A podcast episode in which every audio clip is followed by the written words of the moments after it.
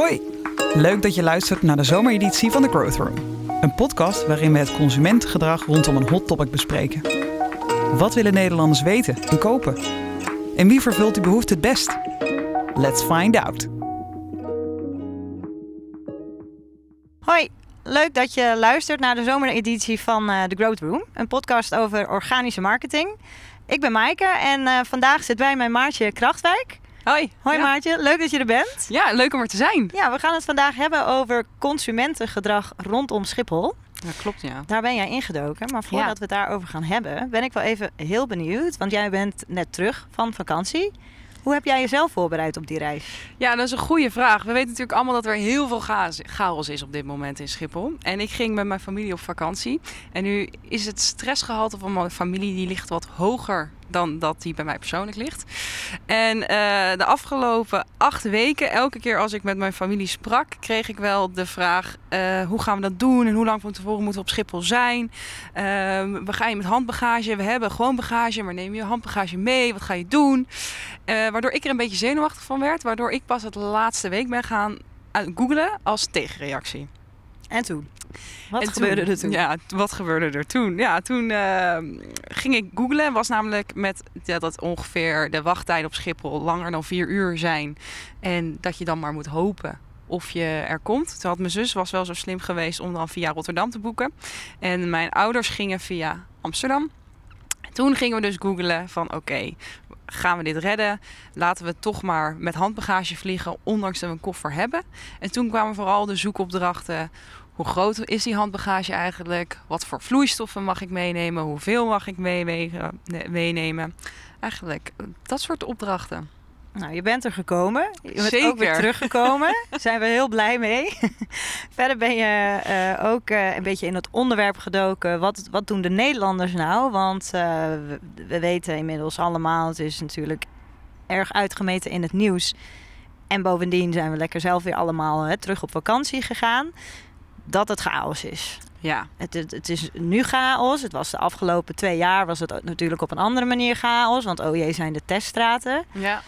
Wat zien we nu dat mensen, eh, hoe bereiden ze zich voor? Waar zoeken ze naar? Ja, dat is wel interessant. Dus als je nu Google Trends erbij pakt, krijg je hele rare grafieken. Eh, aan de ene kant dus omdat alles binnen travel gewoon twee jaar lang op nul heeft gestaan. En daarnaast is echt hele exponentiële stijgingen. Omdat we ineens weer met z'n allen gaan vliegen met de eh, chaos die er gecreëerd is binnen Schiphol eh, en andere luchtvaartmaatschappijen in, in heel Europa. En daarom zie je gewoon eh, hele rare grafieken ontstaan met heel veel groei de afgelopen drie maanden sinds eh, mei. Eh, maar we zien dus echt vooral dat sinds 2018 in deze zomerperiode mensen drie keer zoveel zijn gaan googlen op hoe lang van tevoren moet ik op Schiphol zijn. En gelukkig geeft Schiphol daar op dit moment netjes antwoord. Ze hebben een soort Efteling maatkaartje gemaakt waarin staat wat je aangeeft op welke dag je komt en hoe ze verwachten dat het druk is. Zodat je een beetje kan zien, ik weet niet hoe ver het werkt, zodat je een beetje kan zien hoe lang je van tevoren er moet zijn. En wat heb je daar dan aan? Dus je ziet, het is heel druk of het is niet heel druk. Ja, En dan is het maar gewoon ondergaan. Eh, ja, dat denk ik. Ik denk dat je dan moet weten of je je strijdpakje aan moet om, eh, om binnen vier uur er doorheen te zijn. Of dat je gewoon eh, binnen twee uur door de douane kan komen. Ja, precies. Dus het is toch, maar wel prettig in ieder geval dat je er mentaal op kunt voorbereiden dat Schiphol daar een duidelijk antwoord geeft. Ja, Ik kan me voorstellen dat je dit antwoord ook het liefst krijgt van Schiphol. Ja, dat zeker. Want ik denk dat daarom Schiphol ook meteen bovenaan staat. Omdat er maar één partij is die zou moeten kunnen weten hoe druk het is. En dat is Schiphol. Ja, precies. Ik heb ook wel om me heen gehoord dat mensen uitwijken. Jij bent dus inderdaad al via Rotterdam eh, gevlogen. Ehm, die geven nog niet echt, daar, daar zien we niet per se de zoekopdrachten in, in wijzigen. Eh, nee, dat, tenminste dat heb ik niet direct zo gezien. Ik, ik, ik- er zijn in Rotterdam zullen we heus wel meer, meer zoekopdrachten zijn. Maar niet zo exponentieel als bij Schiphol. Oké. Dan eh, gaan ze daar toch maar gewoon van hun vliegmaatschappij uit. eh, Ja. nou ja, wat je dan ook nog kunt doen om op je reis voor te bereiden, is dat je eh, minder, minder incheckbagage of geen incheckbagage eigenlijk meeneemt. Ja, zeker. Zien we daar nog wat in? Ja, zeker. Dat zie je heel erg nu terugkomen in, in Google. Dus veel meer mensen, dus de handbagage koffer is bijvoorbeeld 38.000 keer gezocht in de afgelopen maand. Terwijl dat in de maanden daarvoor echt drie keer zo weinig was. Uh, dat mensen toch maar kiezen van oké, ik heb mijn bagage ingeboekt. Maar met volgens mij zijn er 20, 30.000 koffers die op dit moment op Schiphol staan zonder eigenaar. Dat mensen toch maar hun handbagage bij zich willen houden. En dat ze daarom uh, handbagage gaan zoeken. Ja, en wie staat daar dan? Bij wie gaan ze die dan kopen? Bij wie gaan ze die kopen? Travel Bags doet het heel goed. Uh, wat ik heel interessant vind aan Travel Bags is dat zij laten zien uh, welke, elke maatschappij heeft natuurlijk een andere maat handbagage. Uh, en uh, daarom moet je altijd even van tevoren kijken. Uh, Ryanair heeft een kleinere handbagage dan KLM. en zij geven heel goed aan welke, welke maatschappij welke handbagage heeft. Dus mocht je niet de juiste handbagage hebben, of niet de juiste formaat koffer hebben, dat je dat bij Travelbags kan gaan kopen dat is wel echt slim van ze, ja, vind ik. Zeker, wat zeker heel slim. En zeker wat ze ook heel slim doen, dat viel mij op, is zij geven ook aan wat je moet doen in, uh, als je op Schiphol staat en je bent je koffer kwijt. Uh, dus natuurlijk de perfecte consument, iemand die iets kwijt is, wie wel ergens gebruik van maakt, om die alvast dan een touchpoint te creëren om alvast een eerste aanraking met travelbags te creëren. Ja, dat is, dat is content marketing. Dat is content marketing. nee, super slim. Uh, goed dat ze daar op die manier op ingespeeld zijn. En ik denk voor hun booming business dat die uh, handbagagekoffertjes er uh, lekker uitgaan. Ja, zeker. Um, verder kun je natuurlijk, hè, stel je gaat toch en je hebt al je dure uh, surfspullen, wintersportspullen, nou die nu niet, maar in de winter wel weer.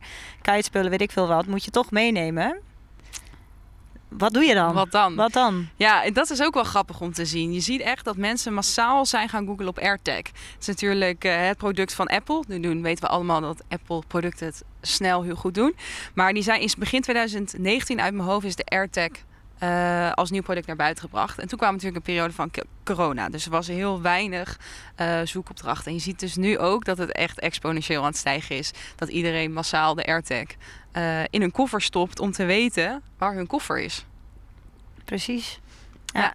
ja. En grappig om te zien is ook wel is dat de tracker, als je naar dat zoek op, die zoekopdracht kijkt, die gaat veel minder hard dan de AirTag. Dus het is weer Apple die met de perfecte mond-tot-mond reclame en een goed product uh, mensen weten uh, binnen te halen. Het is toch een stukje vertrouwen, hè? dat je denkt, nou die van Apple die zal wel goed zijn en wel werken. Ja, zeker. En daarbij natuurlijk ook, we hebben natuurlijk alles al van Apple.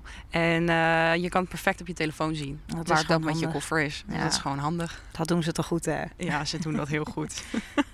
En, um, maar jij, uh, jij had hem niet nodig tijdens je vakantie? Nee, ik heb bewust dus maar gewoon uh, licht gepakt om, uh, om minder spullen mee te nemen.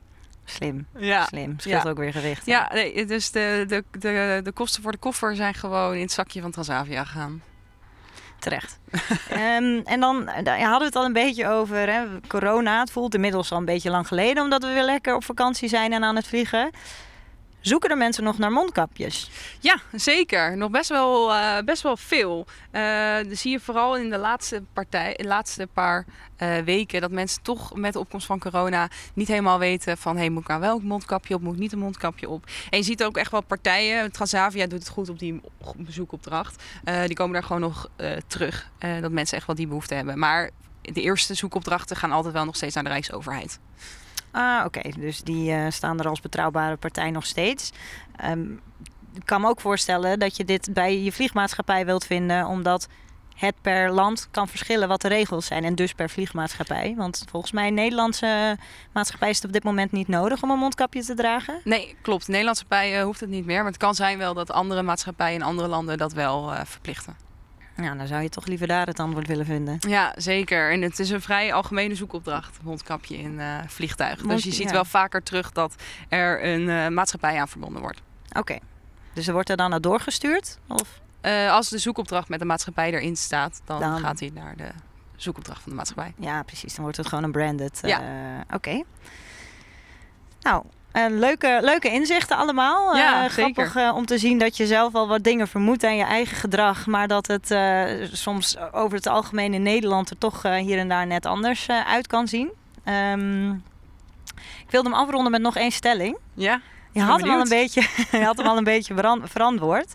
Of beantwoord. Um, En dat is gaan. zijn vliegreizen op hun retour? Ik kijk, met mijn millennial hart zou ik willen zeggen van jawel. Maar Google zegt toch echt wat anders. Vliegtickets zijn eh, op dit moment de zoekopdrachten, zoeken we daar meer op dan we in 2018 deden. Dus de piek ligt echt hoger. Misschien uh, moeten we volgend jaar gaan kijken of die, of die piek is. Omdat we op dat moment ineens allemaal weg wilden. En dat we daarom een hele hoge piek hebben gehad. Uh, maar met pijn in mijn hart durf ik toch, zeg ik toch wel van nee, ik ben bang van niet. Ik ben bang dat we gewoon door blijven vliegen.